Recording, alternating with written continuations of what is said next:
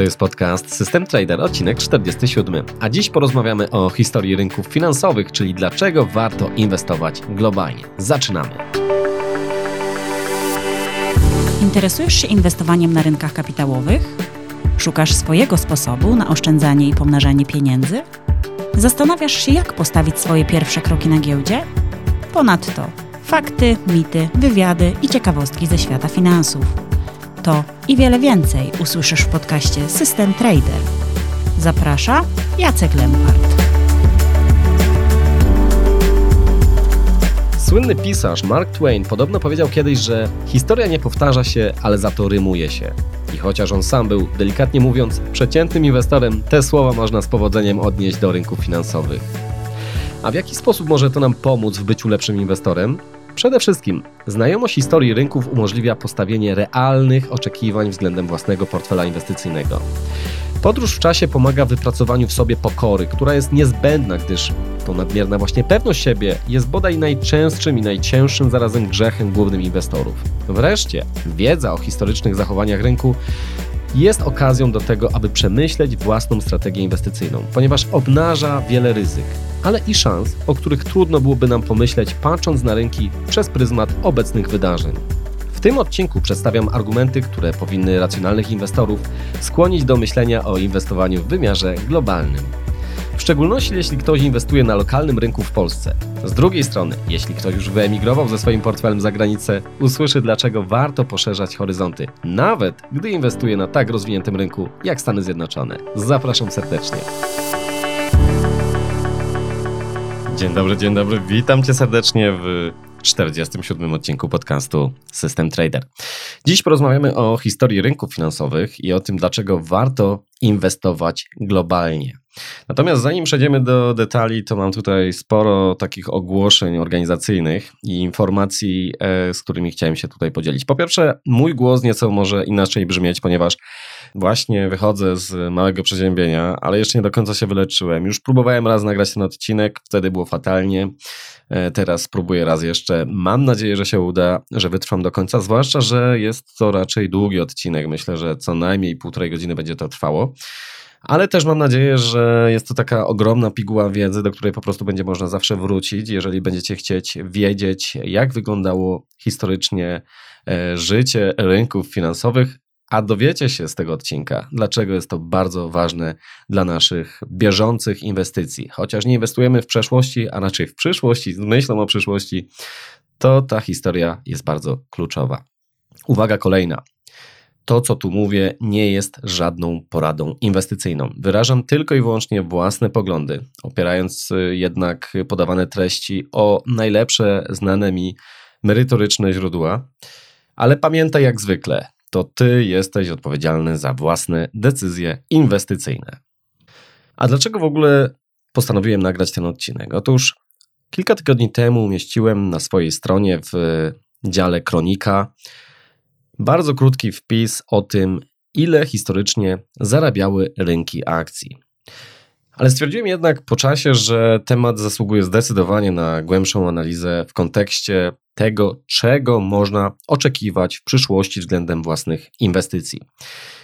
Jakie ryzyka związane są z inwestowaniem na rynkach w długiej perspektywie czasu, a co ważniejsze, jak te ryzyka można neutralizować, jak nie popełniać pewnych powszechnie powtarzanych błędów inwestycyjnych. Także jest to taki materiał szczególnie, powiedziałbym, istotny dla kogoś, kto buduje i pomnaża długoterminowo swój kapitał. I pomimo, że w tym odcinku będę podawał wielokrotnie bardzo wiele różnych statystyk, wiele wartości liczbowych, to będę starał się mimo wszystko ograniczać to do pewnego minimum, a przede wszystkim nie warto przywiązywać się do detali, gdy słuchasz tego odcinka, bo bardziej tu chodzi o uchwycenie pewnych rzędów wielkości. Poza tym należy pamiętać, że świat nie jest też statyczny, także te wartości, które tutaj padają, one oczywiście nie zmienią się pewnie w przeciągu roku, dwóch, ale jednak te wartości będą ulegały w czasie również y, zmianie. Zwłaszcza w obecnej chwili widzimy, jak w ekspresowym tempie zmieniają się na przykład wyceny na rynkach y, akcji pod wpływem y, pandemii koronawirusa. I rynki w momencie nagrywania tego odcinka lecą dosłownie w przepaść, by potem po prostu w mgnieniu oka znów robić rekordowe wzrosty na jednej sesji. Na stronie systemtrader.pl ukośnik 047 Zamieszczę w jednym miejscu zebrane statystyki, które pojawiają się w tym odcinku. Dlatego też nie przejmuj się, jeżeli coś w trakcie słuchania tego odcinka ci umknie. Skup się, że tak powiem, na takim big picture, takim dużym, wysokopoziomowym obrazie całości, a detale po prostu, jeżeli będziesz chciał, będziesz potrzebował, możesz sprawdzić u mnie na stronie. No i wreszcie ktoś zapyta, po co mi w ogóle znać całą historię, jeżeli chodzi o rynki finansowe? Ale jak to się mówi, historia nie tyle powtarza się, co się rymuje, jak właśnie powiedział Mark Twain. I moim zdaniem historia uczy pokory. Pokazuje, że spadki na rynkach finansowych nie tylko mogą być bardzo dotkliwe, ale że mamy wręcz sytuację, gdzie rynki potrafią być likwidowane, a depresja na rynkach, czy to w gospodarce, potrafi trwać naprawdę dekadami. Na swojej stronie do tego odcinka podam również spis źródeł, z których korzystałem przy nagrywaniu tego materiału.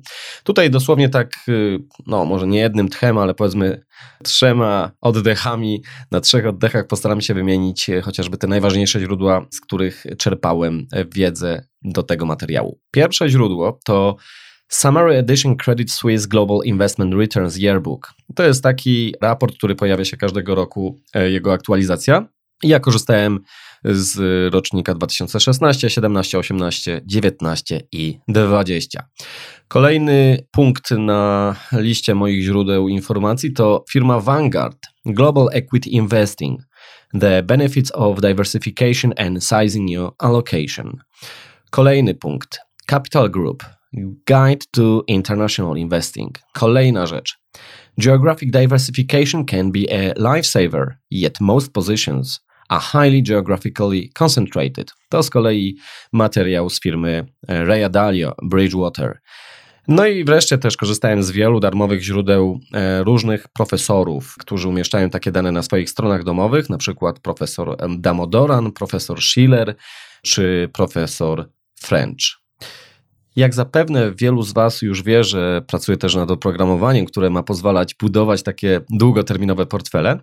I w tym oprogramowaniu będą również budowane takie długoterminowe dane historyczne, sięgające czasami nawet więcej niż 100 lat wstecz, po to, by móc zobaczyć właśnie również w symulacjach własnych portfeli, jak taki portfel mógł zachowywać się historycznie. Ok, i teraz przeszedłbym już do omawiania, że tak powiem, meritum tego odcinka.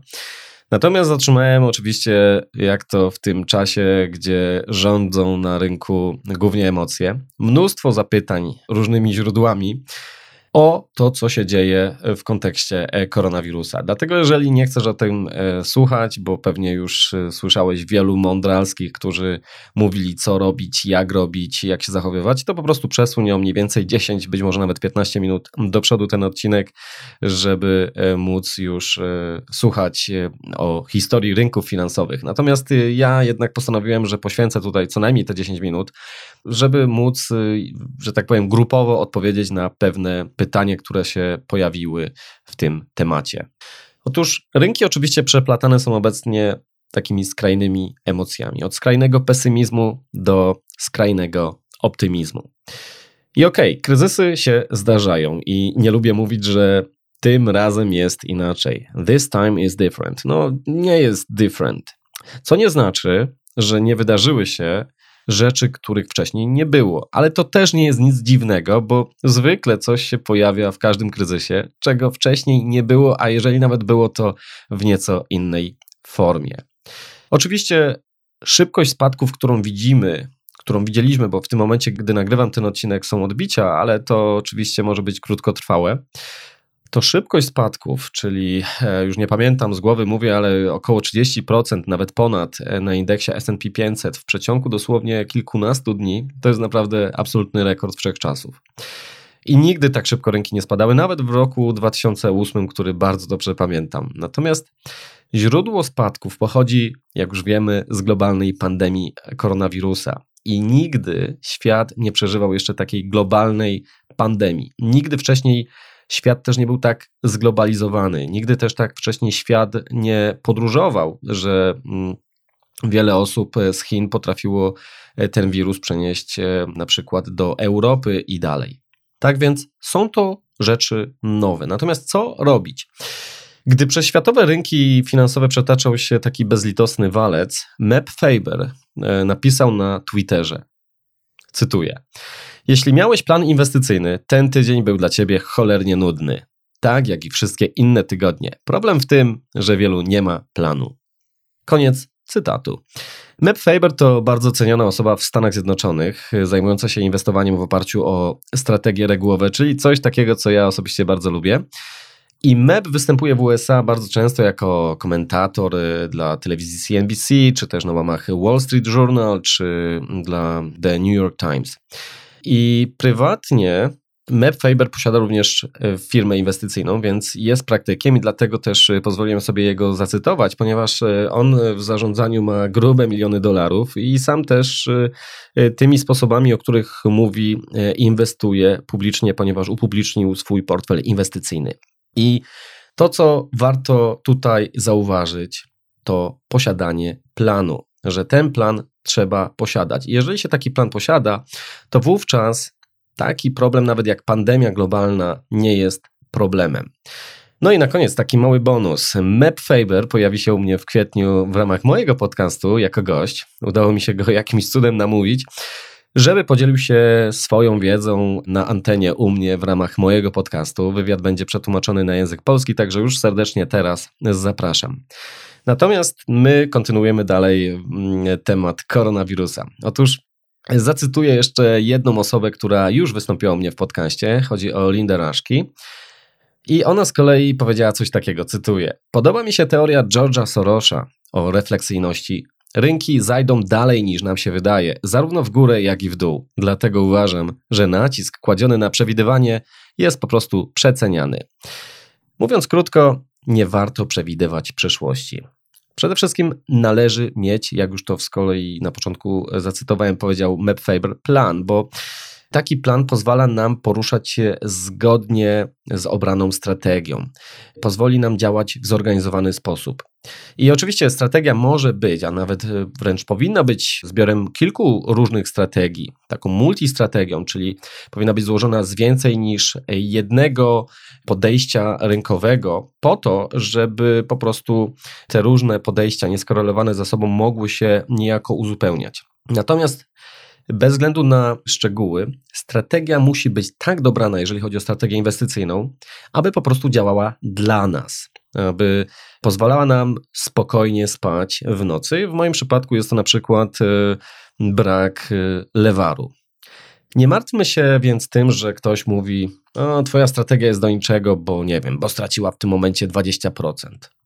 Wielu tak mówiło chociażby Buffettowi, który potrafił momentami tracić w sensie jego portfel na wycenie ponad 50%. Gdy po prostu dosłownie ociekał krwią, będąc tak bardzo pod wodą, a Buffett po prostu miał to gdzieś, bo wszystko miał bardzo dobrze rozpracowane, wiedział na czym polega jego przewaga inwestycyjna i po prostu konsekwentnie realizował swój plan. Ale dla jasności, absolutnie większość z nas nie będzie w stanie przejść przez y, poziom obsunięć w swoim portfelu, nie wiem, 50% lub więcej. Po prostu. Zwłaszcza jeżeli na szali są, nie wiem, oszczędności naszego życia. No, bardzo niewiele osób jest w stanie ze spokojem spoglądać, jak y, oszczędności, nie wiem, 20-30 lat y, topnieją w przeciągu kilku, kilkunastu tygodni o 50%. Dlatego też warto pamiętać o jednej rzeczy tutaj, jeżeli chodzi o zysk i ryzyko. Otóż zysk jest, jak to się ładnie mówi, funkcją ryzyka. To znaczy, zmniejszając ryzyko w portfelu, często musimy zgodzić się po prostu na potencjalnie mniejszy zysk. Nie zawsze tak musi być, ale jeżeli będziemy chcieć mocno przykręcić ten kurek z ryzykiem, no to wtedy najczęściej będzie się to wiązało ze zmniejszeniem potencjalnych zysków. Ale jeśli ma nam to pomóc, a w większości przypadków tak jest, w bardziej zdyscyplinowanym podążaniu za strategią, to warto to zrobić. To, co jest natomiast ważne, to działać zgodnie z planem. Nasze decyzje, ja wiem, powtarzam się, powinny wynikać ze strategii, a nie z y, chwilowo przeżywanych emocji, bo akurat w tym momencie SP 500, nie wiem, spada 10% albo rośnie właśnie 10%. Nie możemy też porzucać naszej strategii pod wpływem emocji.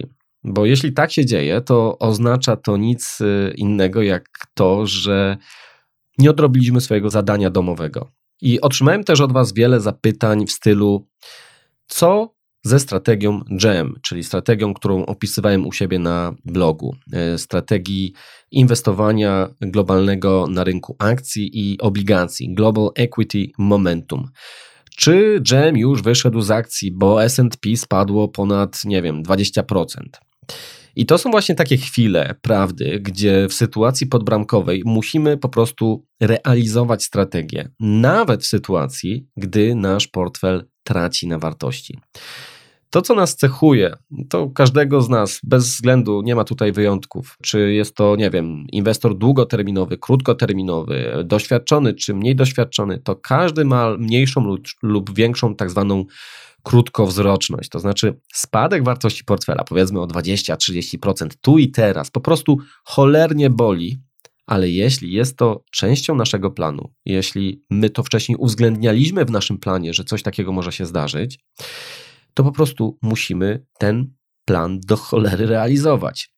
Jeśli natomiast pomimo tego, że przewidzieliśmy poziom ryzyka w naszym portfelu, a nadal nas bardzo to martwi, to co widzimy, co się dzieje w rzeczywistości, to po prostu najwyraźniej wzięliśmy go sobie za dużo na głowę i warto dopasować wtedy strategię do siebie. Być może zrobić na przykład tak zwane chociażby transzowanie portfela, jeżeli mówimy tutaj o strategii GEM, czyli zamiast e, przykładowo wykonywać rebalancing e, raz w miesiącu, to podzielić sobie portfel przykładowo na dwie części i jedną część portfela e, poddawać rebalansingowi, nie wiem, na koniec miesiąca, a drugą część portfela poddawać rebalansingowi na przykład w połowie miesiąca. Natomiast sęk w tym, że te wszystkie rzeczy powinniśmy robić przed tym, jak się mleko rozlało. Sprawa kolejna. Pamiętajmy, że dane historyczne, wyniki historyczne, wyniki symulacji jakiejkolwiek strategii, chociażby GEM, nie muszą oznaczać, że na przykład historycznie największe obsunięcia kapitału nie będą większe w rzeczywistości w przyszłości. Tak się fajnie zrymowało. Cliff Asnes z firmy AQR, czyli facet, który ma naprawdę bardzo dużo doświadczenia, jeżeli chodzi o budowanie statystycznych modeli strategii inwestycyjnych, takich typu quant Zakłada, że jeżeli widzi w symulacji, że obsunięcie wyniosło, załóżmy na to 10%, to zakłada, że w rzeczywistości ono może wynosić 20%. Mówiąc krótko, mnoży sobie takie obsunięcia kapitału razy dwa. Jest to zdrowe założenie, o którym zresztą też pisałem w artykule poświęconym strategii GEM. Największe obsunięcie kapitału jak to się mówi, jest zawsze przed nami. Dlatego też porzucanie strategii tylko z tego powodu oznacza, że po prostu no, nie dałoby się inwestować żadną strategią. A żeby trochę tak może nieco żartu do tych y, ponurych tematów dorzucić, to Gary Antonacci w swoim takim humorystycznym stylu na pytanie kiedyś zadane mu przez inwestora, co robić, gdy ciężko podążać za strategią, widząc jak rachunek krwawi, odpowiedział krótko: Nie sprawdzaj wartości rachunku, skup się na realizacji założeń. Otóż y, podejmowanie takich desperackich prób zmian swojego planu w obliczu, nie wiem, emocji i to takich negatywnych emocji, zwykle po prostu do niczego dobrego nie prowadzi. Jak to się mówi, investing is simple but not easy. Dlatego też Spoglądając na wyniki strategii za, nie wiem, kilkadziesiąt lat, widzimy taki piękny wykres naszego kapitału, jak się pnie w górę, ale bardzo łatwo jest nie docenić ogromu emocji, jakie przychodzi przeżywać w trakcie podążania za nią. Bo być może te emocje w tym momencie będą trwały, nie wiem, dwa, trzy tygodnie, kiedy będzie obsunięcie kapitału, a później strategia się odbije, kapitał urośnie i my bardzo szybko o tym zapomnimy. Natomiast y, oczywiście, jak nałożymy na to, nie wiem, 30, 40, 50 lat historii, to my możemy takiego ząbka na wykresie nawet nie zauważyć i w ogóle możemy nie docenić tego ogromu bólu emocjonalnego, jaki przychodzi nam przeżywać, żeby móc podążać za obraną strategią inwestycyjną. Także warto o tym pomyśleć zawczasu. Okej, okay, no to już tak kończąc o tym wirusie, bo pewnie wiele osób już yy, mnie chyba znienawidziło, że taki długi wstęp do podcastu robię 20 minut. Co z tym wirusem? Osobiście jestem optymistą co do przyszłości świata. To znaczy, Na pewno, znaczy na pewno, z dużym prawdopodobieństwem przyjdzie nam borykać się z ogromnymi problemami, czy to natury zdrowotnej, a z pewnością ekonomicznej przez dłuższy czas. Nie wiem, jak długo to będzie trwało, czy to będą miesiące, bardziej bym się skłaniał, że raczej może nie dekada, ale mogą być to lata. Natomiast ludzkość z pewnością sobie z tym wirusem poradzi i w to głęboko wierzę. Dlatego też odpuszczanie inwestowania tylko dlatego, że coś takiego się dzieje, jest też bardzo złe, bo no, jeżeli by świat nie przetrwał, no to bynajmniej problem z naszym portfelem inwestycyjnym byłby naszym najmniejszym problemem. Natomiast jeżeli świat się, że tak powiem, jakoś przeczołga przez ten problem z wirusem, czy raczej zostanie przeczołgany przez tego wirusa, to z pewnością w tym momencie rodzą się duże okazje inwestycyjne i jeżeli my z nich nie skorzystamy, to być może właśnie tracimy okazję życia, jeżeli chodzi o inwestycje. Natomiast poza samymi pieniędzmi, to warto się też zastanowić nad samym życiem. I sorry, może tak filozoficznie to zabrzmi, ale w końcu obok tej całej giełdy, tej całej paniki, że tutaj tyle ludzi, nie wiem, straci pieniądze, być może pracę, co jest no, na pewno bardzo złym doświadczeniem to jednak pamiętajmy, że tak naprawdę tutaj na szali jest przede wszystkim życie ludzkie. I to też pokazuje, ten wirus, ta pandemia, jak nasze życie jest kruche, że po prostu łatwo bardzo je zgasić. I dosłownie taki niepozorny wirus postawił świat w stan paniki. Może mnie tak trochę naszło na te, mm, na te filozoficzne rozważania, dlatego że też ostatnich kilka miesięcy w moim prywatnym życiu to taki bardzo trudny, trudny moment. Chyba jeden z, mógłbym powiedzieć, najtrudniejszych, jaki dotychczas przyszło mi przeżywać, bo najbliższa osoba mi okazało się po licznych badaniach medycznych ma zdiagnozowaną bardzo poważną chorobę, przewlekłą chorobę, nieuleczalną chorobę. No i jedyne szczęście, jakie w tym nieszczęściu dostrzegam, to to, że dziś pewne możliwości medyczne są. Choroby się nie da wyleczyć, ale niestety problem będzie na całe życie. Także warto w tym kontekście, jeżeli mówimy tutaj o wirusie, pamiętać, że pieniądze pieniędzmi, ale naprawdę życie, zdrowie ludzkie to jest coś, co po prostu nie da się przeliczyć. Tego się nie da przeliczyć na żadne pieniądze i warto dbać o nasze życie i nasze zdrowie i naszych najbliższych. Okej, okay, no to chyba właśnie pobiłem rekord świata, przynajmniej w ramach swojego podcastu, bo minęły 22 minuty z hakiem. A ja skończyłem wstęp do tego podcastu. Ok, mam nadzieję, że za dużo pomidorów nie poleci w moją stronę. Na szczęście czuję się w miarę bezpieczny, bo nagrywam to za ciszę swojego pokoju. Ok, to teraz zaczynamy już naprawdę przechodzić do meritum i opowiemy sobie o tym, jak wyglądały rynki finansowe na przestrzeni ostatniego wieku, nawet więcej niż wieku, bo cofniemy się nawet do roku 1900.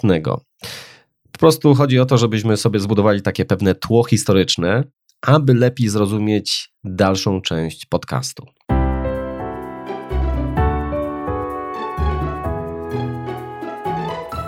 Zacznijmy od tego, ile zarabiały rynki akcji, na jakie stopy zwrotu można było liczyć, gdybyśmy inwestowali na rynku akcji przez, dajmy na to, ostatnie niemalże 120 lat, od roku 1900. I tak, w Stanach Zjednoczonych stopa zwrotu uśredniona, taka geometryczna, od roku 1900 do, akurat tu mam dane do roku 2018, wyniosła e, w, dla akcji amerykańskich 9,4%. Tak, czyli ponad 9%. No, ale niestety, jeżeli na to nałożymy inflację, to e, ten wynik już spada do 6,4%. No, ale też trzeba jeszcze wspomnieć o jednej rzeczy, że w międzyczasie przyszło przeżyć by nam obsunięcie na linii kapitału prawie o 80%.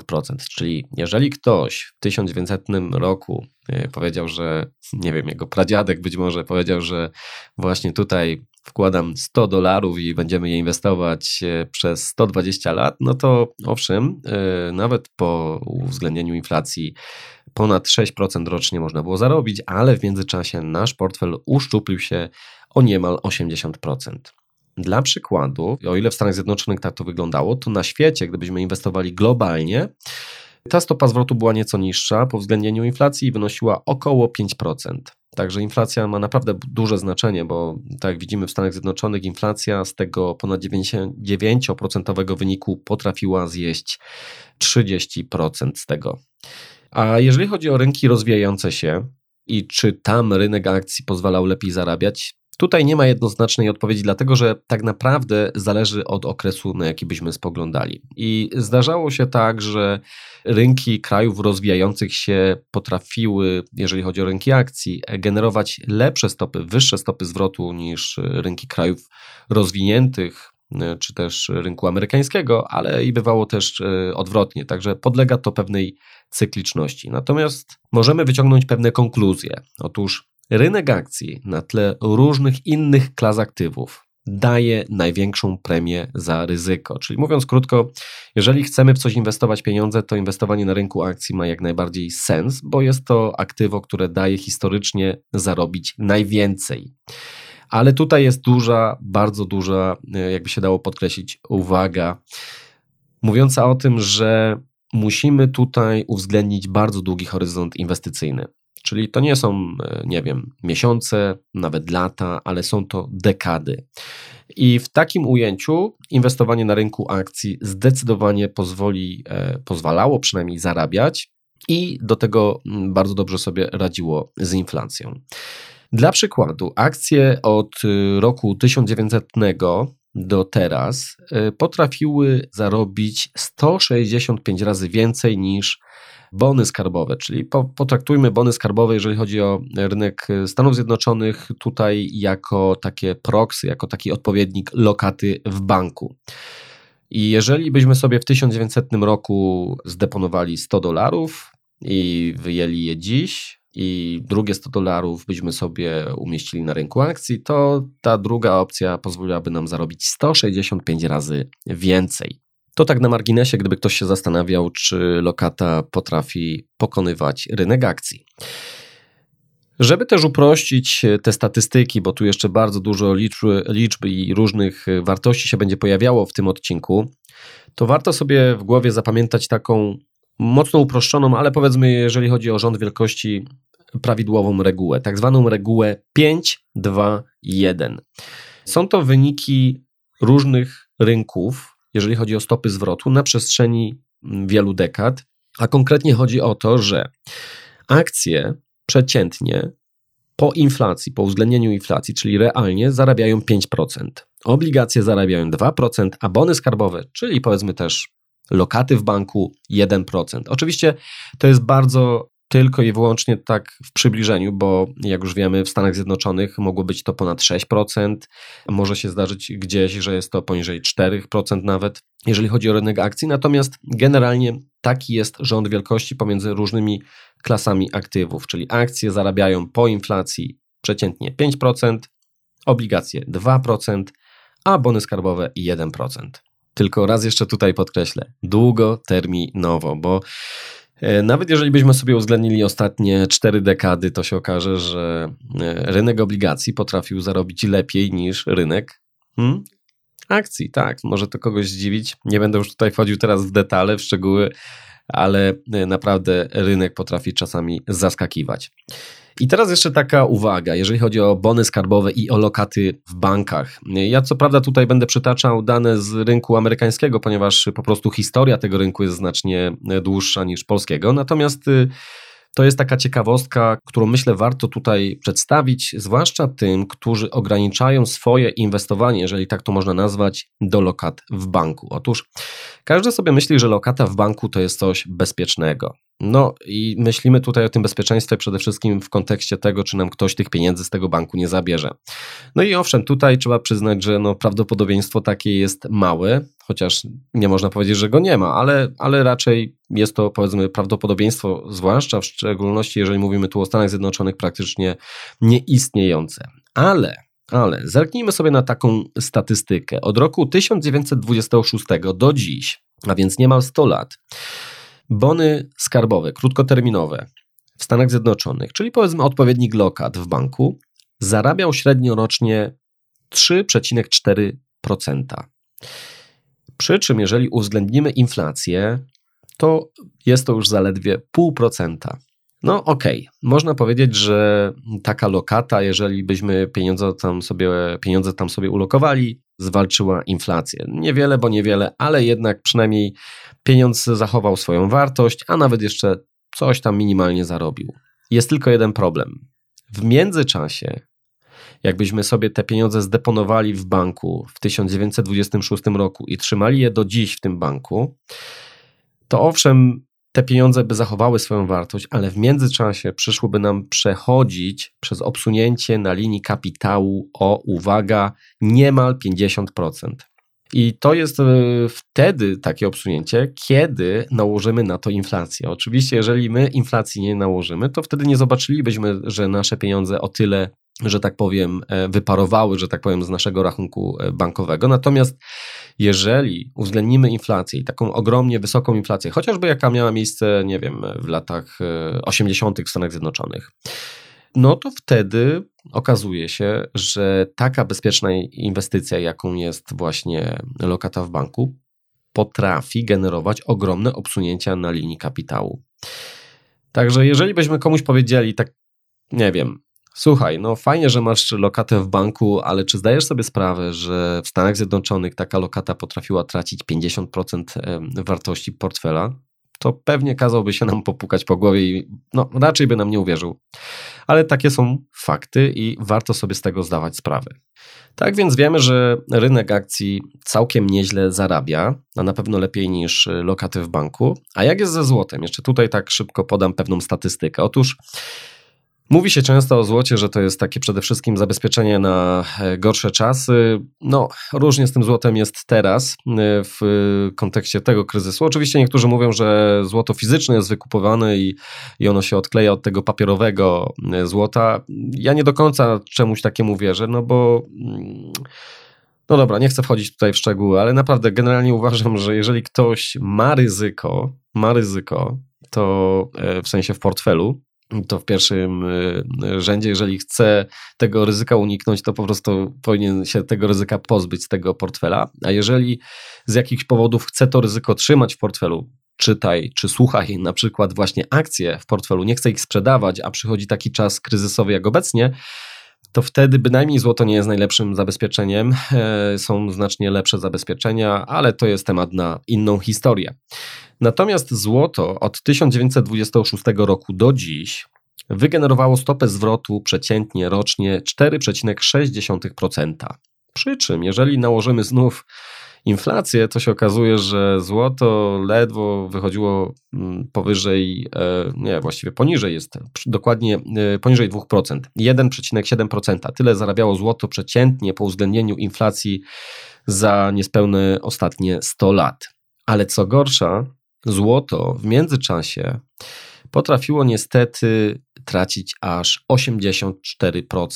I tu z kolei dla odmiany podam, jak wygląda to z rynkiem akcji. Otóż rynek akcji, ale taki już globalnie, dla całego świata, potrafił zarabiać 5,7% po uwzględnieniu inflacji za ostatnie 100 lat, a obsunięcie było mniejsze niż na złocie, bo 63%. Więc jeżeli ktoś chce naprawdę dbać o swój kapitał, to lepiej wyjdzie, i tak przynajmniej historycznie było, jeżeli kupi sobie akcje całego świata, co dziś jest proste do zrobienia, i po prostu będzie te akcje trzymał, niż y, kupi złoto i będzie to złoto trzymał. Bo jeżeli naprawdę coś walnie cholernie mocno, mówię tutaj o jakimś ogromnym kryzysie, wręcz y, katastrofie y, globalnej, to może się okazać, że ani to złoto, ani te akcje nie pomogą. Ale jeżeli już mówimy o inwestycjach w momencie, kiedy świat przetrwa jednak, to historycznie akcje pozwalały zarabiać znacznie więcej i co istotniejsze, mniej traciły od złota, jeżeli mówimy tutaj o globalnym rynku akcji. To są fakty.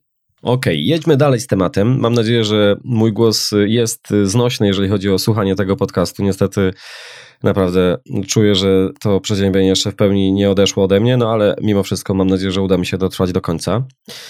Wiemy już, ile zarabia rynek akcji, wiemy, ile zarabia złoto, ile zarabiają obligacje. To teraz sobie powiedzmy, jak wyglądał świat, jeżeli chodzi o rynek akcji, w sensie historycznych przetasowań w takim ujęciu geograficznym, gdzie po prostu mówiąc krótko, gdzie najwięcej skupiało się e, kapitału, na jakim rynku, czyli gdzie te rynki akcji były historycznie największe i jak się to zmieniało w czasie. Otóż Gdybyśmy sobie mieli możliwość e, wejść do takiego pojazdu, który by nas przeniósł do roku 1900, i zobaczylibyśmy sobie, jak wygląda rynek akcji e, w tamtym świecie, w tamtym czasie, to okazałoby się, że mm, no, wygląda zdecydowanie inaczej niż dziś, co pewnie nie jest zaskoczeniem. Natomiast zaskoczeniem mogą być pewne detale, o których za chwilę powiem. Otóż numerem jeden była Wielka Brytania. Co pewnie nie dziwi, bo Wielka Brytania posiada no, ogromną, że tak powiem, tradycję, jeżeli chodzi o rynek akcji i sięga on już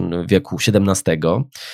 Natomiast y, w roku 1900 Wielka Brytania stanowiła 20% światowej kapitalizacji, to znaczy 25% rynku akcji należało, mówiąc krótko, do Wielkiej Brytanii. Z racji też na to, że Wielka Brytania ma, powiedzmy w cudzysłowie, tradycje kolonialne, to ten rynek akcji również miał zasięg już globalny w tamtym czasie.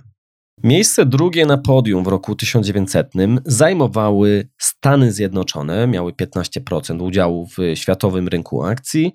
Miejsce trzecie to Niemcy, 13%. Czwarte miejsce przypadło Francji, 11%. Piąte Rosja, 6% i szóste miejsce Austro-Węgry. I to jest w ogóle też ciekawe, bo Austro-Węgry to jest już nieistniejące państwo. Jest to zresztą przykład też totalnego kataklizmu, znaczy w tym znaczeniu, że w 1918 roku państwo się rozpadło jako wielonarodowa monarchia konstytucyjna. Natomiast y, jest to też ciekawe, jeżeli chodzi o Austro-Węgry, y, bo mm, no jest to kraj, który no był związany niejako z, z naszym krajem, z Polską, bo po prostu 10% Austro-Węgier było zamieszkanych przez Polaków, między innymi Kraków czy Przemyśl jako część Galicji. To tak na marginesie. Także w 1900 roku rządziła Wielka Brytania, USA i Niemcy. To była pierwsza trójka. Natomiast gdybyśmy się przenieśli teraz do roku 2020, do czasów współczesnych, to świat wygląda zupełnie inaczej. Stany Zjednoczone są numerem pierwszym, są pierwsi na podium i mają aż 54% udziału. To jest coś ogromnego, bo e, jeżeli chodzi o ich przyrost, bo w, dla przypomnienia w 1900 mieli 15% udziału rynku akcji na świecie, teraz jest to ponad 50%. I tu warto też dodać, że bynajmniej nie jest to największy historyczny udział Stanów Zjednoczonych, jeżeli chodzi o e, udział w światowym rynku akcji, bo na początku lat 70. XX wieku Stany Zjednoczone miały niemal 70% światowego rynku akcji. Także wtedy byli jeszcze większym potentatem, można powiedzieć, na rynku akcji. Natomiast no, niespełna dwie dekady później, znaczy mówię od lat 70., pod koniec lat 80., udział Stanów Zjednoczonych z kolei spadł niemalże dwukrotnie i wtedy e, Stany Zjednoczone w tej, powiedzmy, najnowszej historii za, zaliczyły minimum e, swoje, jeżeli chodzi o udział w światowym rynku akcji, bo wtedy Stany Zjednoczone miały zaledwie 20, zaledwie, no, zaledwie jeżeli mówimy to w odniesieniu do dzisiejszych liczb, ale 29% wtedy tylko Stany Zjednoczone miały. Natomiast obecnie 54% światowego rynku akcji należy do Stanów Zjednoczonych. Numer dwa na podium to jest Japonia, 7%. E, dla przypomnienia, w 1900 roku w ogóle nawet Japonii tutaj nie uwzględniłem w pierwszej szóstce, a dziś Japonia ma miejsce numer dwa na podium. I trzecie miejsce zupełnie z, z podium nie wypadła Wielka Brytania, jest to właśnie Wielka Brytania, ale zamiast 15% przepraszam, 25%, jakie miała w roku 1900, to dziś Wielka Brytania ma 5% udziału w światowej kapitalizacji. Miejsce czwarte to Chiny, 4%, a więc doganiają Wielką Brytanię. Jest to takie powolne, można powiedzieć, przebudzenie wielkiego misia po długim śnie. Natomiast w 1900 roku rynek chiński był tak maleńki, że nawet go nie ujmowano w światowym zestawieniu. Dalsze miejsca, a właściwie nawet nie tyle dalsze, co jeszcze dla przypomnienia. W 1900 roku trzecie miejsce należały do Niemiec, 13% udziału światowego rynku akcji, a obecnie jest to zaledwie 3%. Także to niestety tak wychodzi, że no, niektóre kraje, znaczy nie wiem czy niestety, tak po prostu jest, że niektóre kraje bardzo dużo zyskały y, przez ostatnie 120 lat. Największym zwycięzcą są tu Stany Zjednoczone. Niektóre bardzo dużo straciły, jak chociażby Wielka Brytania z 25% na 5%, ale również Niemcy z 13% w 1900 roku na 3% obecnie, A Rosja, która w 1900 roku była naprawdę dużym graczem na rynku akcji, ponad 6% rynku akcji należało do Rosji, to dziś jest praktycznie nieujęta w tym zestawieniu, bo po prostu no, nie liczy się na światowym rynku akcji. Mówiąc tutaj o rynkach akcji, mówimy najczęściej o krajach rozwiniętych, no może z wyłączeniem Chin. Natomiast jak wygląda rynek akcji, gdybyśmy skupili się tylko i wyłącznie na rynkach krajów rozwijających się? Otóż można tu zaobserwować taki ciekawy wręcz paradoks, który no jest zaskakujący, przynajmniej dla mnie był dość zaskakujący.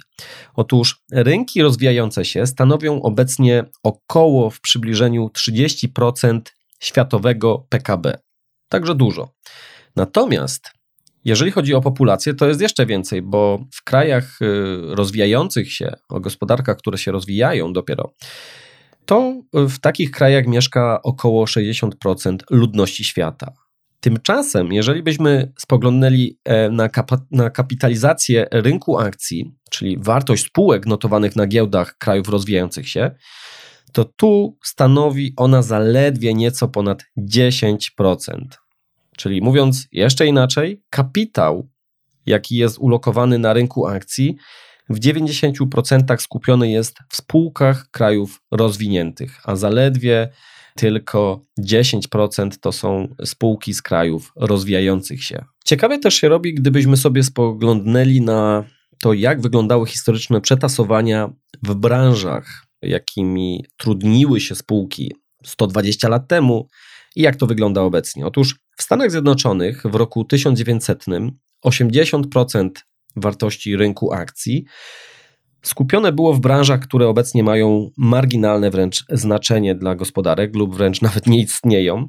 No nic dziwnego, bo wtedy nikt praktycznie nie jeździł samochodem, mało kto miał dostęp do telefonu, nikt nie słuchał muzyki utrwalonej na płytach czy mm, innych formach zapisu.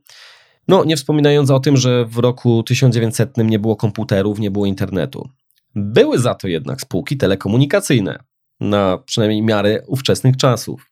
Tyle, że właśnie no, ich działalność wtedy no, wyglądała zupełnie inaczej, bo inaczej wyglądał świat, więc to jakbyśmy sobie porównali na przykład y, telegraf z roku 1900 ze współczesnym smartfonem, no to da nam to obraz tego, czym zajmowały się spółki telekomunikacyjne w 1900 roku, a czym się zajmują one obecnie. Dziś oczywiście możemy się śmiać z prymitywnego telegrafu mającego mając w kieszeni nowoczesny smartfon, ale jeszcze 120 lat temu telegraf właśnie uchodził za taki no, synonim urządzenia high-tech. I nie inaczej wtedy myślano o takim e, telegrafie, niż my dziś myślimy o naszym smartfonie. 120 lat temu branża, która absolutnie dominowała gospodarkę, to była branża kolejowa. To ona bowiem była dosłownie takim motorem napędowym rewolucji przemysłowej ówczesnego świata na przełomie XIX i XX wieku. I dziś już, o ile może nie spotkamy spółek będących potentatami w takich branżach jak, nie wiem, produkcja zapałek, silników parowych, e, potentatami na tyle, nie tyle w swojej branży, co po prostu w ujęciu całej gospodarki, o tyle dziś w gospodarce Stanów Zjednoczonych prym wiodą zupełnie inne branże. Nie są to branże kolejowe, ale są to branże na przykład informatyczne, farmaceutyczne, kosmiczne czy motoryzacyjne. I tak kończąc ten wątek o różnych branżach, jakie miały miejsce w 1900 roku, a jakie mają głównie miejsce, jeżeli chodzi o udział na scenie rynku akcji dziś, to jest taka branża, która przetrwała te 120 lat praktycznie bez zmian. I tak, a właściwie dwie takie branże sobie tutaj wynotowałem. Pierwsza branża to sektor bankowy i sektor ubezpieczeniowy. Ten sektor był istotny wówczas i równie istotny jest dziś. A kolejny sektor, który, czy kolejna branża, która przetrwała te 120 lat, to też nic nie powinno e, tutaj być zaskoczeniem, to branża, sektor związany z produkcją żywności. No, pomimo, że 120 lat temu świat wyglądał inaczej niż dziś, to tak samo wtedy, jak i dziś ludzie muszą coś jeść. Także konkluzja jest taka, że bez względu na technologię, pieniądze i jedzenie po prostu ludzkości potrzebne są do życia, tak samo dziś, jak i 120 lat temu. I tym sposobem, myślę, zakończymy sobie omawianie branż. Natomiast teraz chciałbym przez chwilę poopowiadać o tym, jak wygląda Polska na gospodarczej mapie świata.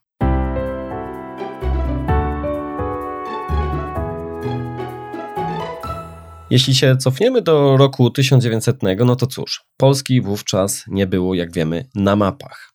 To też niech będzie takim może pewnym punktem do zadumy, że kraj, który za czasów jeszcze jagiellońskich był potęgą w Europie, kraj, którego, nie wiem, powierzchnia była trzykrotnie większa od obecnej, po prostu tak skorodował w czasie. I to przede wszystkim na skutek naszych bardzo złych działań, mam na myśli polityków. Tak, y, to wszystko niestety źle się potoczyło, że mm, nasze państwo zostało wymazane z map aż na 123 lata. Natomiast w 1991 powstała nasza giełda papierów wartościowych i ja swoją historię, że tak powiem, ograniczę do tego okresu, ponieważ y, no, nie ma sensu opowiadać tutaj o Polsce sprzed tego okresu, jeżeli chodzi o rynek akcji, bo po prostu rynku akcji wcześniej w Polsce nie było. Y, mówię tutaj o okresie powojennym. W 2018 roku nasz kraj został promowany do koszyka państw rozwiniętych przez FTSE Russell i to się może dla niektórych y, wydawać śmieszne, no ale po prostu tak jest. Jesteśmy uznawani przez y, tę przynajmniej firmę y, FTSE Russell krajem rozwiniętym. Zresztą co to oznacza? Oznacza to, że przez tą firmę jesteśmy uznawani za najbardziej rozwinięty kraj w grupie 26 krajów Czyli jesteśmy w pierwszej 26 najbardziej rozwiniętych krajów na świecie w tym rankingu. Jeżeli chodzi jeszcze o bycie krajem rozwiniętym, jeżeli chodzi o Polskę, to jest też firma Stox szwajcarska z kolei, która również zalicza Polskę do krajów rozwiniętych, developed. Natomiast y, inne firmy jak MSCI czy S&P, Standard Poor's nie zaliczają już y, Polski do y, krajów rozwiniętych. Figurujemy w ich rankingach jako kraje emerging, czyli kraje rozwijające się. A jeżeli chodzi o naszą giełdę, o naszą giełdę, na którą tak dużo tutaj dzisiaj wylewa się pomyi, no niestety często w sposób, y, myślę, zasłużony, to kapitalizacja WIG-u wynosi około ponad 300 miliardów dolarów.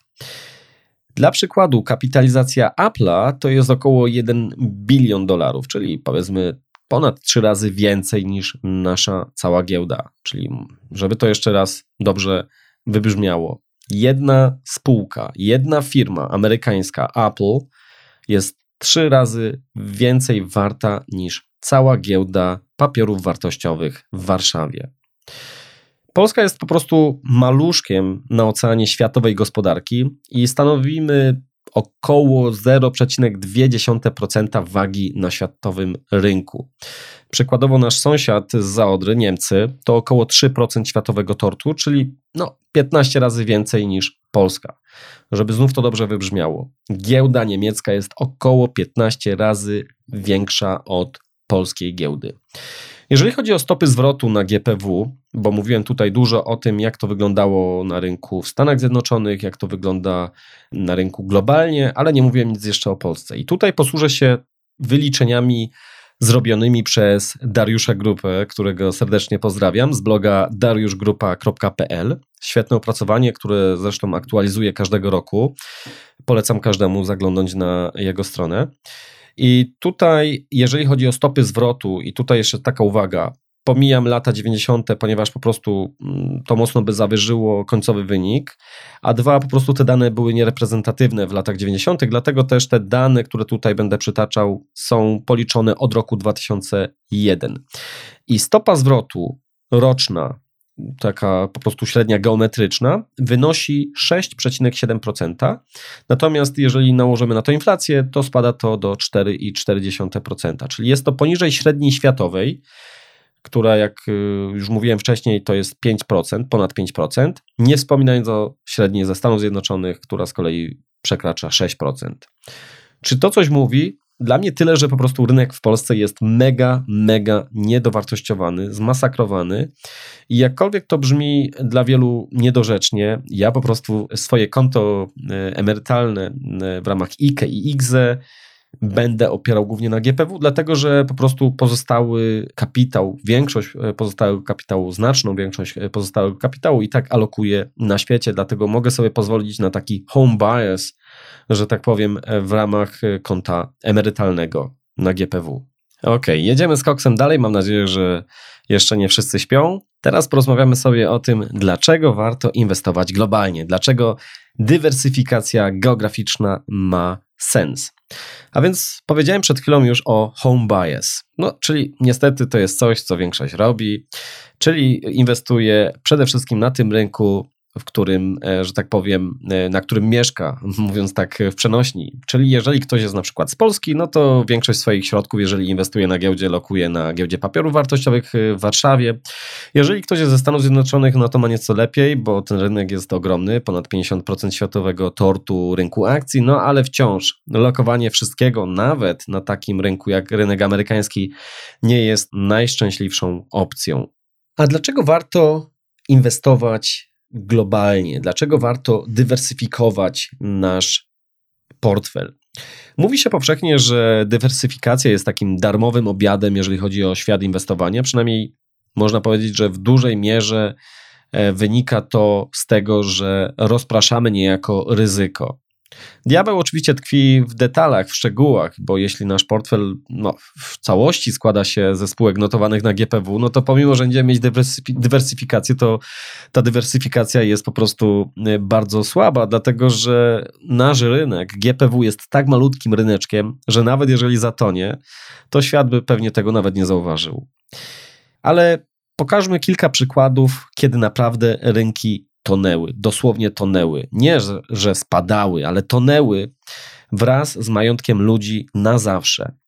I tak, Rosja, rewolucja październikowa, 1917 rok. Bolszewicy, no oczywiście nie byli zbyt y, związani z kapitalizmem, no i po prostu nie bardzo widzieli potrzebę funkcjonowania rynku kapitałowego. Dlatego też utrata kapitału przez inwestorów, którzy mieli swoje akcje pokupowane na giełdzie papierów wartościowych w Rosji, po prostu cały ten kapitał stracili. Inny przykład to z kolei Chiny, rok 1949. Tutaj też oczywiście po dojściu do władzy komunistów. Mao Zedong no, nie był za bardzo zainteresowany tym, żeby krzewić w narodzie duch kapitalistyczny, dlatego stwierdził, że po prostu zamyka całą giełdę i wszystkie pieniądze, jakie tam były e, zainwestowane, przepadły. Jeżeli chodzi o inwestorów, bo oczywiście kapitał, czyli te spółki, to wszystko, e, to partia komunistyczna oczywiście, że tak powiem, zagarnęła dla siebie. W latach 40. XX wieku to jednak bynajmniej nie Chiny były największym problemem, ponieważ ich udział w światowym rynku powiedzmy był niewielki. Ogromnym za to problemem była Japonia.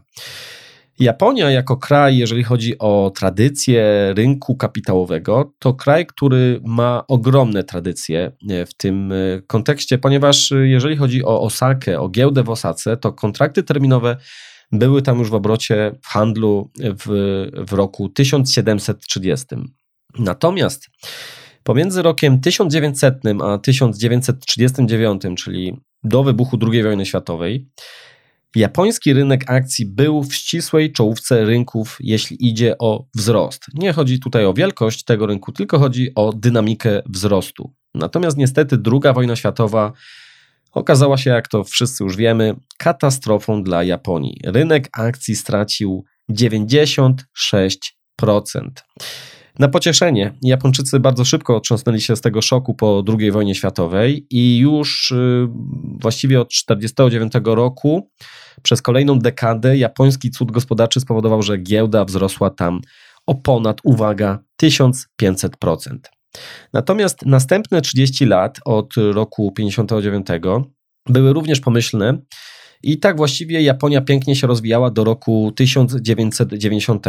Natomiast no niestety rynek znów się mocno załamał i po dziś e, dzień e, giełda japońska niestety należy do jednych z najsłabszych na świecie. Nie najmniejszych, bo e, jak wiemy jest numerem dwa, natomiast no niestety jeżeli chodzi o stopy zwrotu, jakie generuje, no to tutaj jest od roku 1990 słabo. To w ogóle jest mega historia na inny odcinek, jeżeli chodzi o rok 1990, bo w skrócie może tak tylko szybko powiem, że nie wiem, czy sobie zdajecie sprawę z tego, że w 1990 roku Japonia była w ogóle największym rynkiem akcji na świecie, większym niż Stany Zjednoczone. W 1990 roku, 30 lat temu, około 40% światowej kapitalizacji należało do Japonii. Stany Zjednoczone wtedy posiadały około 30%, a dziś ponad 50%.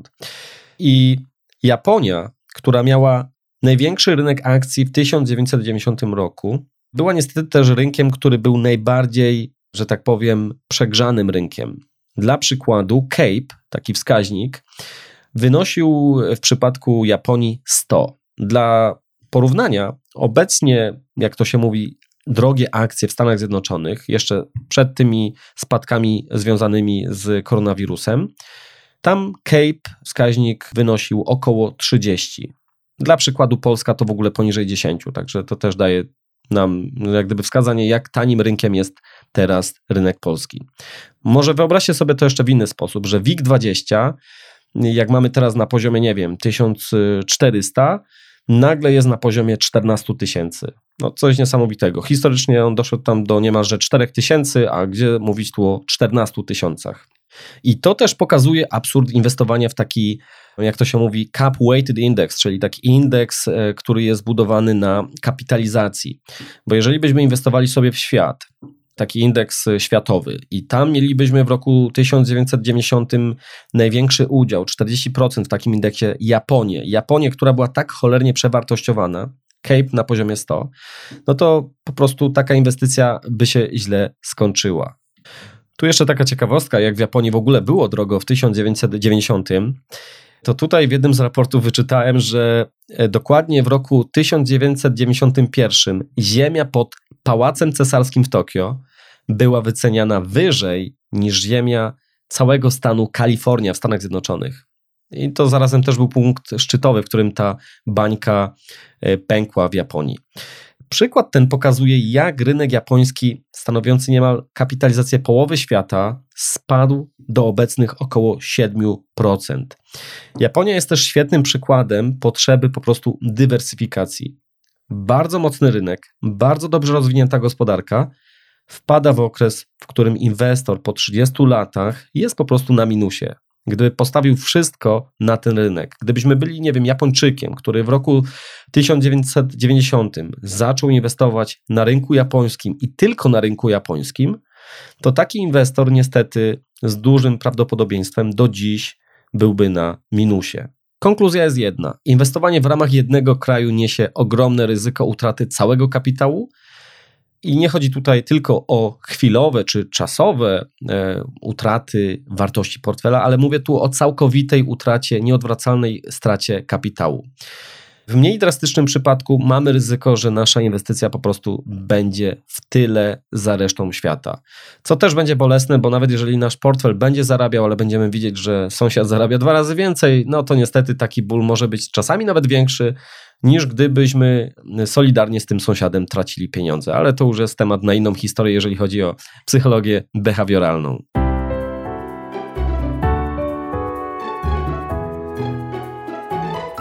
Jeżeli chodzi o inwestowanie globalne versus inwestowanie takie w poszczególne kraje, to warto też zwrócić uwagę tutaj na zmienność, bo w inwestowaniu nie chodzi tylko o to, ile urośnie nasz kapitał w czasie, ale ważna jest też, jak już wiemy, ta druga strona równania, czyli ryzyko. No bo jesteśmy w końcu tylko ludźmi, w większości takimi zwykłymi ciułaczami, którzy no, nie będą niczym Buffett bez problemu przechodzić przez obsunięcia typu 50% w portfelu i przy tym będą jeszcze jak wytrawni inwestorzy wyszukiwać okazji inwestycyjnych, tylko po prostu większość ludzi będzie w głębokiej panice, co się dzieje. Jednym ze sposobów kontroli ryzyka jest po prostu jego rozproszenie, a najlepiej robić to globalnie. Otóż zmienność rynku akcji na poziomie poszczególnych krajów jest o wiele większa niż na poziomie całego globu. Nawet w Stanach Zjednoczonych, które uchodzą za taki rynek, e, powiedzmy, gdzie ta zmienność jest najmniejsza w porównaniu do innych krajów e, o rynek akcji, to wciąż jest duża. Dla przykładu, wziąłem sobie dwa rynki akcji. Rynek światowy, globalny od 1926 roku do dziś i po inflacji taki rynek maksymalnie w najgorszym momencie tracił 63%. Natomiast Stany Zjednoczone w tym samym okresie maksymalnie traciły niemal 80%. Czyli to pokazuje, że warto inwestować globalnie, bo historycznie po prostu taki portfel będzie miał mniejszą zmienność. I żebyśmy się dobrze zrozumieli, tu nie chodzi o to, żebyśmy rezygnowali z inwestowania w Stanach Zjednoczonych, tylko dlatego, że na świecie jest lepiej. Nie, na świecie jest lepiej w ujęciu globalnym. Gdybyśmy wybierali kraje poszczególne, to w Stanach Zjednoczonych i tak jest najlepiej. Natomiast nie warto po prostu, że tak powiem, uciekać z deszczu pod rynnę. To znaczy, jeżeli ktoś inwestował tylko na GPW, nagle ucieka za granicę i inwestuje tylko w Stanach Zjednoczonych. To też nie jest dobre, bo owszem, Stany Zjednoczone to jest świetny rynek, jeżeli chodzi o akcje. Jest to największy rynek, najbardziej płynny, ale wciąż zdarzają się gorsze okresy. I ostatni czas dla rynku amerykańskiego był świetny, natomiast czy tak będzie w przyszłości, tego nie wiemy. Dlatego po prostu lepiej inwestować najszerzej jak się da. Do rynku amerykańskiego jeszcze będę chciał sobie wrócić później, jak będę mówił o e, dywersyfikacji, a teraz chciałem jeszcze przez chwilę powiedzieć, jak podejść do zagadnienia inwestowania. No bo mówimy o tym, żeby inwestować globalnie, żeby kupować akcje jak najszerzej się da, ale w jaki sposób? Po prostu, czy mam kupić tylko indeks na globalny indeks akcji i to wszystko i trzymać go w portfelu? No nie, z prostej przyczyny. Taki nawet indeks historycznie tracił ponad 60%, a więc większość ludzi by przez to nie przeszła, nie przetrwałaby takiego spadku. Dlatego trzeba temat ugryźć nieco inaczej. Dla tych, co nie wierzą, że można próbować w ogóle robić jakikolwiek timing, mogą po prostu zbudować sobie jakiś modelowy portfel. Nie będę w tym momencie wchodził w detale, w szczegóły. Takich możliwości jest ogrom. Ja w ramach swojego oprogramowania, nad którym pracuję, dam po prostu cały katalog różnych modelowych portfeli, gdzie każdy będzie sobie mógł zobaczyć, jak taki portfel, nie wiem, za ostatnie na przykład 100 lat y, pozwolił zarobić, jak potrafił w międzyczasie też tracić. Natomiast inne podejście to jest takie podejście, w którym, jeżeli chodzi o inwestowanie, w którym staramy się eksploatować różne anomalia, czyli to już jest takie podejście aktywne. I mamy tutaj na przykład takie dwie chyba no, najbardziej powszechne anomalie. Mianowicie mam na myśli momentum oraz wartość. I to są dość odmienne od siebie podejścia, odmienne anomalie, no bo jeżeli chodzi o momentum, dla tych, którzy może nie wiedzą, to tutaj momentum działa w ten sposób, że w zakresie 3 do 12 miesięcy inwestujemy w to, co już urosło. Czyli bierzemy sobie na przykład rynek akcji. Jeżeli ten rynek akcji przez ostatnie 12 miesięcy wygenerował dodatnią stopę zwrotu, to oznacza się, że tutaj to momentum jest pozytywne i w taki rynek inwestujemy. Natomiast jeżeli chodzi o value, o wartość, o tą anomalię z kolei, to tutaj operuje się na wyższym interwale. To jest takie powiedzmy mean reversion, czyli taki powrót do średniej, ale w interwale o dużo y, dłuższym y, czasie, bo tutaj mówimy o czasie powyżej 3 lat. I są badania naukowe, akademickie, które pokazują, że świetnie te dwa podejścia można ze sobą uzupełnić, składając je w jedną strategię, czy multistrategię. Czyli mówiąc krótko, mieć ekspozycję w portfelu i zarazem na momentum, i zarazem na wartość. Jak to może wyglądać w praktyce? No, nie ma tutaj za dużo czasu. Ja tak tylko bardzo pobieżnie powiem, że momentum po prostu, jeżeli chodzi o na przykład strategię GEM, y, możemy mieć w takim portfelu wykrojone załóżmy do 50%. Czyli 50% powiemy sobie, że taki portfel alokujemy w taką strategię podążania za trendem na rynku akcji y, światowym, czy to w Stanach Zjednoczonych, czy w reszcie świata. Dlaczego to działa? No, nie ma w tym momencie tutaj miejsca na to, żeby o tym mówić. Zachęcam do przeczytania swojego artykułu. Natomiast no, to działa i nawet Eugene Fama, czyli człowiek, który jest, że tak powiem, ojcem hipotezy o efektywnym rynku, czyli mówiąc krótko, hipotezy, która mówi, że się nie da na rynku zarobić przez timing, on przyznaje, że momentum istnieje, że występuje taka anomalia. Ale też przyznaje, że jest druga anomalia, jaką jest wartość. I warto sobie na przykład drugą część portfela, drugie 50%, to są takie z grubsza, powiedziałem bardziej dla przykładu tylko wartości. To nie odchodzi, żeby ktoś później zrobił to, co ja w tym momencie mówię. To chodzi tylko o zobrazowanie jak można podejść do inwestowania? Otóż można drugą część takiego portfela zaalokować sobie z ekspozycją na anomalię wartość. Czyli tutaj mamy oczywiście analizę fundamentalną, szukamy spółek, które są okazjami inwestycyjnymi, czyli nie tak jak w momentum, że kupujemy coś, co już wzrosło. I to jest przy okazji też bardzo dobry przykład, że to powiedzenie, że się szuka większego głupca, który odkupi od nas, bo kupujemy, ono, ono jest po prostu z gruntu nieprawdziwe. Znaczy, statystyka temu przeczy. No, można nazwać kogoś głupcem, że kupił coś, bo przez rok coś to rosło, ale tak naprawdę większym głupcem jest ktoś, kto tego nie kupi, tylko dlatego, że wierzy w takie słowa bez ich sprawdzenia. Bo statystycznie jest bardzo duże prawdopodobieństwo, że takie akcje będą właśnie rosły i to jest właśnie anomalia momentum.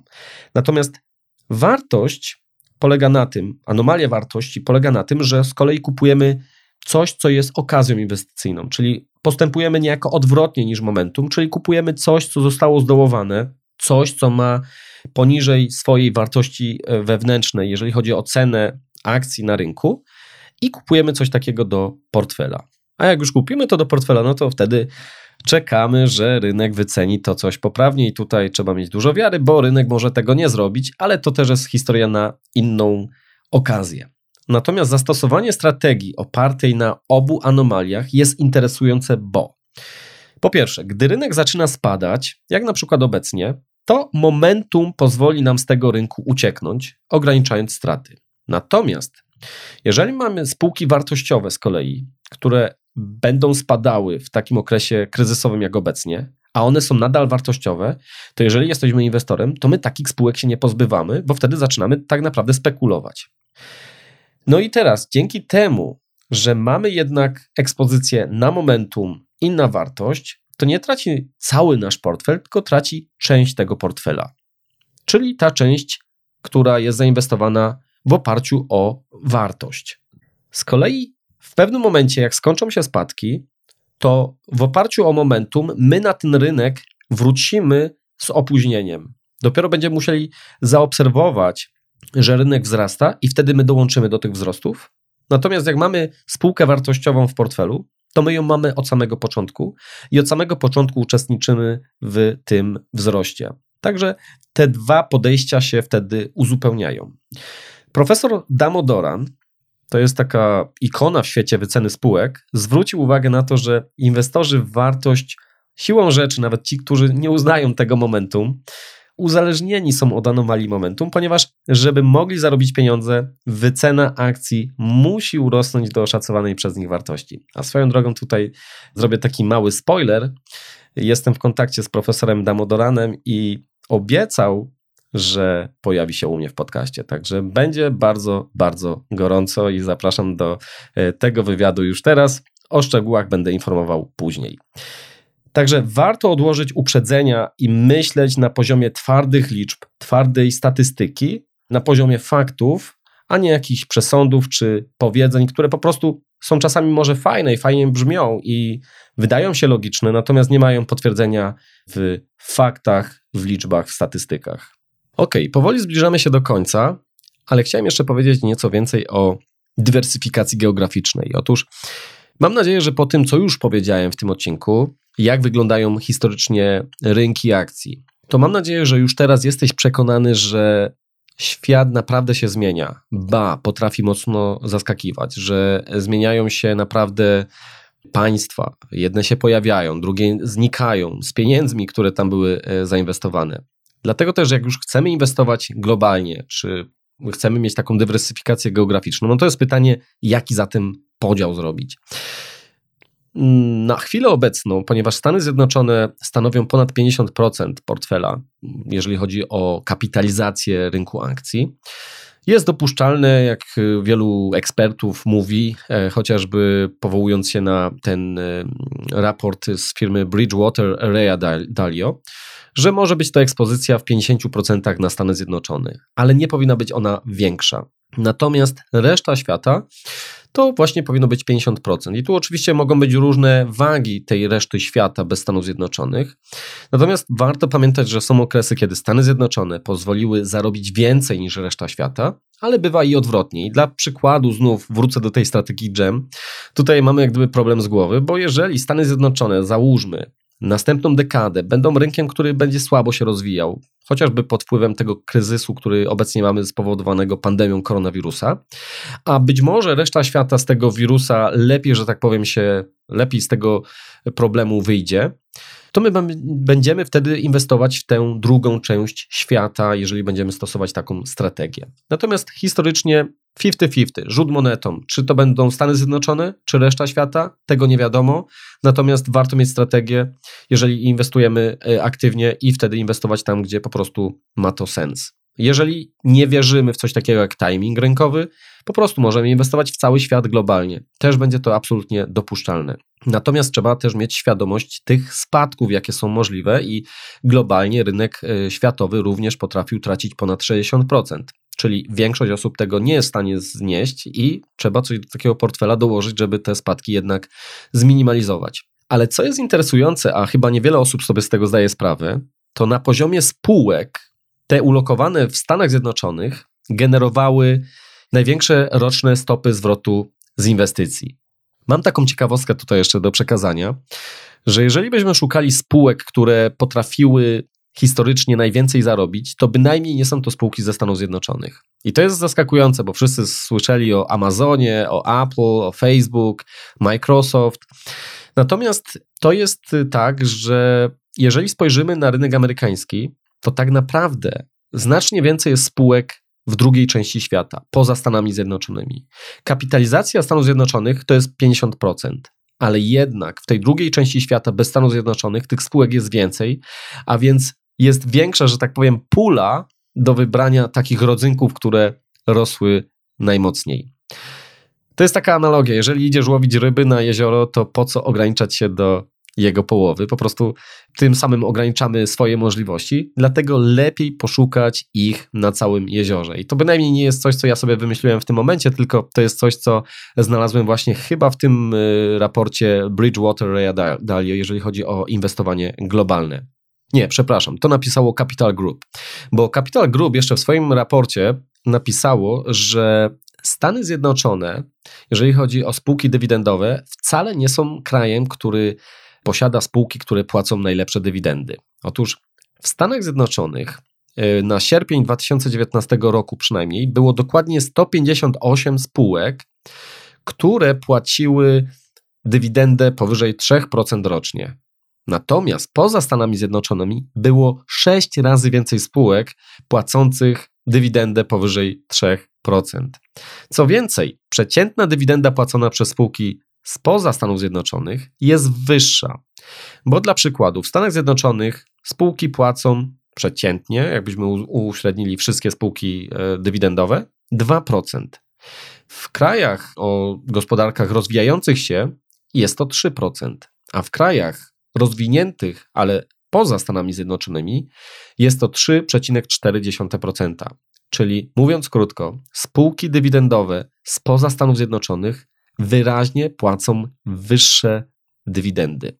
To mam jeszcze jedną taką ciekawostkę. Gdybyśmy sobie wzięli ostatnie 120 lat, 12 dekad, to z tych 12 dekad 8 dekad to były dekady, w których Stany Zjednoczone generowały gorsze wyniki, jeżeli chodzi o rynek akcji, o stopę zwrotu, niż reszta świata. To jest też ciekawe, bo mocno nieintuicyjne. Dlatego też po prostu zamiast przewidywać wszystko, co i tak się nikomu zwykle nie uda, lepiej jest inwestować szeroko. Oczywiście, już tak kończąc, skoncentrowany portfel ma większy potencjał wzrostu. Tak zawsze jest. Jeżeli będziemy, nie wiem, twórcą biznesu, jak Jeff Bezos, i stworzymy kolejnego Amazona, no to jasne, że to jest najlepsza inwestycja. Ja już pomijam fakt, że Amazon tracił w międzyczasie ponad 90 chyba 5% ponad 90% w każdym razie na pewno, ale to chyba tylko Jeff Bezos był w stanie przejść przez taki poziom obsunięcia na linii kapitału na swoim biznesie. Natomiast oczywiście, jeżeli my będziemy inwestować tylko w bardzo zawężoną grupę spółek, będzie bardzo mocno skoncentrowany portfel, to mamy szansę dużo zarobić, ale niestety też mamy szansę dużo stracić.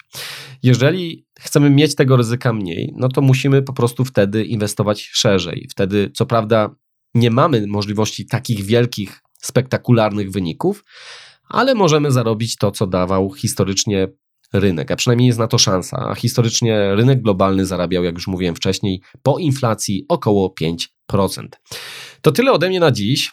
Mam nadzieję, że dotrwałeś do końca. Ja naprawdę bardzo mocno się trochę męczyłem miejscami, ponieważ ze względu na moje gardło i to, że jeszcze nie jestem do końca zdrowy, ale starałem się naprawdę, jak mogłem, przygotować tutaj kawał mięcha dla Ciebie, żebyś wiedział, na czym, e, że tak powiem, stoją rynki finansowe i jak to wyglądało historycznie. I to nie o to chodzi, żeby móc później przy kimś szpanować, że nie wiem, wiemy, ile wynosiła stopa zwrotu w Japonii w roku 1972 czy coś takiego. Tylko tutaj chodzi o to, że będąc takim studentem historii rynków finansowych, że tak to tutaj określę, możemy wyciągnąć pewne wnioski bo jak to powiedział Mark Twain, historia może się nie powtarza, ale ona się rymuje i warto wyciągnąć przynajmniej te negatywne wnioski, żebyśmy nie byli zapatrzeni w to, że na przykład przez ostatnie 10 lat w Stanach Zjednoczonych rynek tak pięknie rósł, to my przyjmiemy, że tak będzie się działo zawsze i właśnie w tym momencie będziemy w ten rynek inwestować tylko i wyłącznie, bo będziemy zakładać, że to się powtórzy. No, może się nie powtórzyć.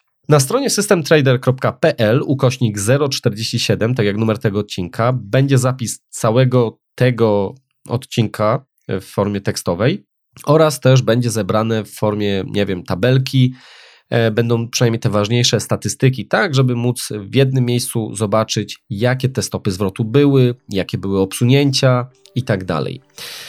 Jak zwykle bardzo będę wdzięczny za komentarze, te pozytywne, jak i negatywne czy to na stronie, czy na iTunes, czy na YouTubie, czy gdziekolwiek y, jest Ci wygodniej, gdzie konsumujesz te treści. Także bardzo, bardzo dziękuję. Bardzo doceniam e, to, że ktoś zadaje sobie trud, żeby po prostu napisać do mnie kilka słów, bo raz, że wiem, co mogę poprawić, co mogę robić lepiej, a dwa, to po prostu to też pozwala mi docierać do szerszej grupy odbiorców, za co bardzo, bardzo serdecznie dziękuję.